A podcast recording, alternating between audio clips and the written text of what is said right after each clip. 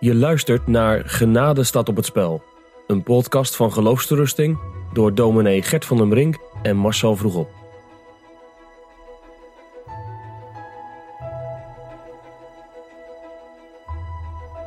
Ik heb je net de stelling voorgelegd uh, of je Jezus aannemen of dat uh, Arminiaans zou zijn. Nou, je gaf aan van nee, uh, dat is niet per definitie zo. Nee. Minder moet je niet zeggen. Het is een heel bijbels en gereformeerde manier van spreken. Maar er is wel meer nodig om te zeggen. Waarop ik dan vervolgens denk van ja, volgens mij is er inderdaad meer nodig. Uh, moet je meer erover zeggen. Want veronderstel je met zo'n opmerking uh, Jezus aannemen of je moet Jezus aannemen. Veronderstel je daarmee niet, als je dat tegen iemand zegt, uh, dat die persoon ook het vermogen heeft om uit zichzelf, los van God, die keuze dan ook maar te maken. En is dat Hmm. ook niet Arminiaans? Dus Ja. Eh, ik kan me die gedachtegang voorstellen. Als ik tegen jou zeg, eh, kijk eens, er staat een glas met water. Dan eh, doe ik een oproep aan jou, kijk, hm, gebiedende wijs. En dan veronderstel ik dat jij kunt kijken. Ja. Stel dat jij blind was, dan zou het natuurlijk wel raar zijn dat ik zeg, kijk eens een glas Ja. met water. Dus als de Bijbel zegt dat wij blind zijn, is het dan niet onzinnig en overbodig en zelfs gevaarlijk om te zeggen, kijk eens. Hm.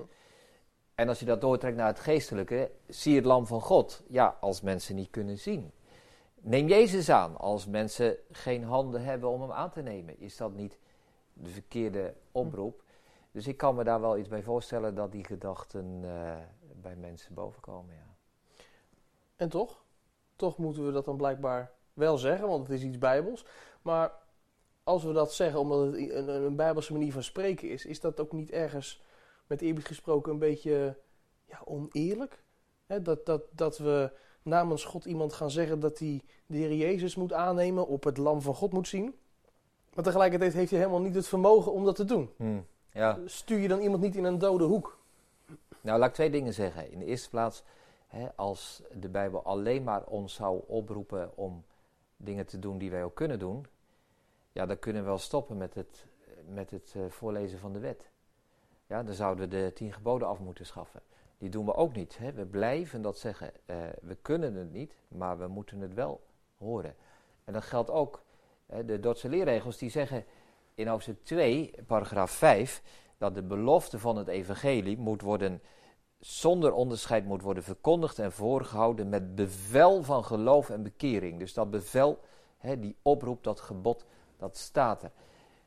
En toch moeten we meer zeggen, want anders zou je inderdaad mensen als het ware in een dode hoek kunnen drukken. Eh, daar gaat de Dordtse leerregels ook op in.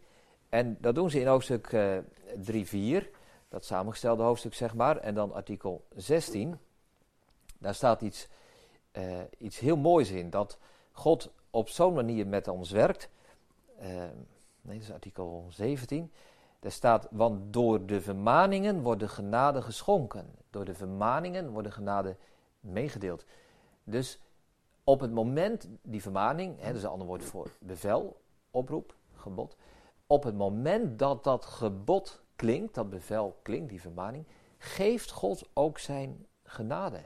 Dus hij roept op om te geloven in de prediking. En hij geeft het vermogen om te geloven. Dus die twee dingen die gaan samen op. En je ziet daar een mooi voorbeeld van in de Bijbel, in Marcus 3.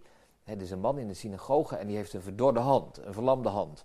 Dus die kan zijn hand niet bewegen en die komt bij Jezus, want zijn arm is verlamd. En dan zegt Jezus tegen hem, strek je hand uit. Dan denken we, ja, Jezus, dat is niet eerlijk. Die man die komt bij u omdat hij verlamd is en u zegt, je kunt je arm niet bewegen, beweeg je arm eens. En toch, Jezus zegt dat. En die man is gehoorzaam aan wat Jezus zegt. En op het moment dat hij zijn arm uitstrekt, geneest Jezus zijn arm. Mm. Dus dat bevel van Jezus wordt gebruikt om die man te laten geloven. Dus God geeft het vermogen om te geloven op het moment dat hij de oproep en een bevel om te geloven geeft. En die twee dingen gaan samen op. En dat is in het Nieuw Testament. Zie je dat in het Oude Testament ook? Dat die twee dingen samengaan? Ik vind zelf altijd een heel mooi voorbeeld in Genesis eh, 45. Dan is die oude vader Jacob, eh, die zit daar in zijn tent. En zijn zoons die zijn naar Egypte en die komen terug. En die hebben een boodschap. een goede boodschap. En die zeggen tegen hun vader: Vader, Jozef leeft. Nou, dat kun je wel evangelie noemen, hè? een goede boodschap. En dan staat er in de Bijbel: Toen bezweek zijn hart, want hij geloofde ze niet. Hij hoorde die boodschap, hij kon het niet geloven. Nou, hij, hij kreeg er een flauwte van, zeg maar. Maar die zoons die houden aan en die zeggen: Ja, mijn vader, kom mee naar buiten. Kijk dan, hè.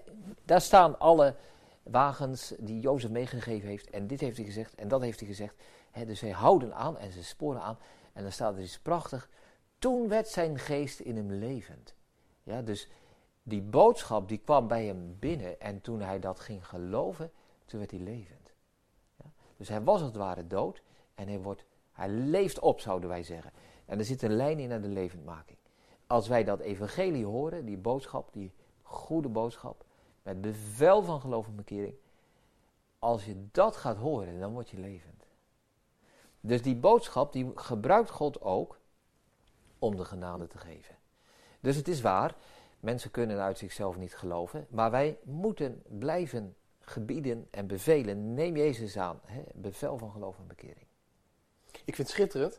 En toch, ik zag in de voorbereiding Johannes 3, vers 27, die wil ik even voorlezen. Een mens kan geen ding aannemen, zo het hem uit de hemel niet gegeven is.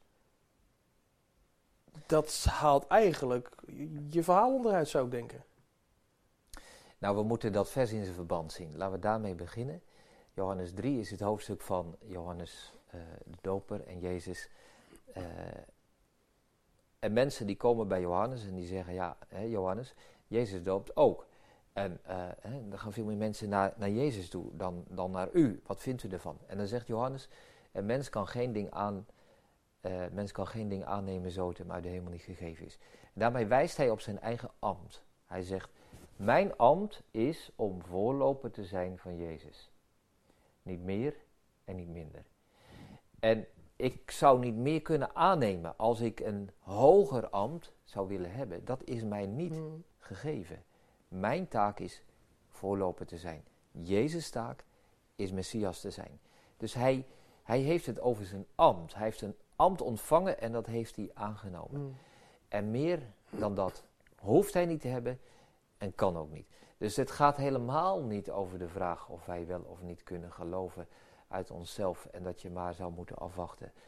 Dus die tekst, ik denk dat, dat de kracht van die tekst als een tegenwerping tegen bevel van geloof en bekering verdwenen is zodra Ja, je ziet dat het in het wel, ja. verband staat. Het is een oproep voor zijn ambt en niet Ja. meer. Dan wil ik tot slot hè, je vragen hoe je dit alles, eh, de oproep tot bekering, neem Jezus aan, eh, bevel van geloof en bekering, hoe, hoe, je, hoe je dat preekt in de wetenschap dat die mensen die dan voor je zitten zondags niet in zichzelf het vermogen hebben om aan die boodschap gehoor te geven. Hoe, ja, hoe, hoe sta je dan op de preekstok? Hoe doe je dat? Ja, ja, ja. Ik ga, laat ik zeggen, ik ga elke zondag de kansel op met een, met een dubbele overtuiging. Twee dingen waar ik van overtuigd ben. Het eerste is dat mijn woord absoluut niet in staat is om mensen levend te maken. Als mensen dood zijn in zonde en misdaden, als mensen onwillig zijn, is mijn woord niet in staat. Dus dat gevoel van machteloosheid, zeg maar, dat heb ik heel vaak als ik de kansel opga. En eh, zeker als je de gemeente kent of bepaalde personen concreet kent, dan weet ik deze mensen willen niet. Die zijn, zover ik helaas kan zien, dood in zonde. En toch laat ik dat woord uitgaan. En dat bevel dat klinkt. Want ik weet, ik vind het een van de belangrijkste zinnen uit de Dordtse leerregels, door de vermaningen wordt de genade meegedeeld. En dat zie ik ook gebeuren. Dat als je dat bevel laat uitgaan, dat God dat op verrassende wijze gebruikt om mensen levend te maken en te brengen tot geloof in de Heer Jezus. En om ze te laten komen tot het aannemen van Jezus Christus. En dat is die tweede overtuiging. Als ik niet meer zou oproepen tot geloof en bekering en als ik het bevel zou weglaten, dan kan de Heilige Geest niet meer werken. Is het zo scherp? Dat zeggen de Dordtse leerregels. Wij moeten niet zo vermetel zijn om los te maken wat God samengevoegd heeft. En God heeft gezegd, die twee dingen gaan samen. Door de vermaningen worden genade meegedeeld. En dat is altijd heerlijk en verrassend om te zien dat God ook zo, zo werkt en dat werkelijk doet. Dus als ik zou zeggen, nou mensen, hè, ik gun het jullie toch zo graag, hè, maar ja, ik kan het jullie ook niet geven, dan ben ik niet getrouw aan mijn taak. Maar, maar, mijn taak is niet om de mensen wat te gunnen, maar om ze een bevel te geven van geloof en bekering en de vermaning uit te laten gaan. Als die vermaning ontbreekt, de oproep tot geloof en bekering, dan is eigenlijk je prediking mank. Exact, ja.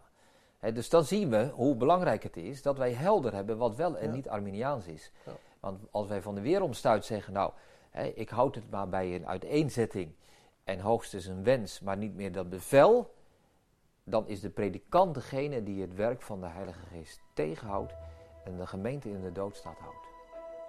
Dat is heftig. Je luisterde naar een podcast van Geloofsterusting. Wil je meer luisteren, lezen of bekijken? Steun dan onze missie en ga naar de website geloofsterusting.nl.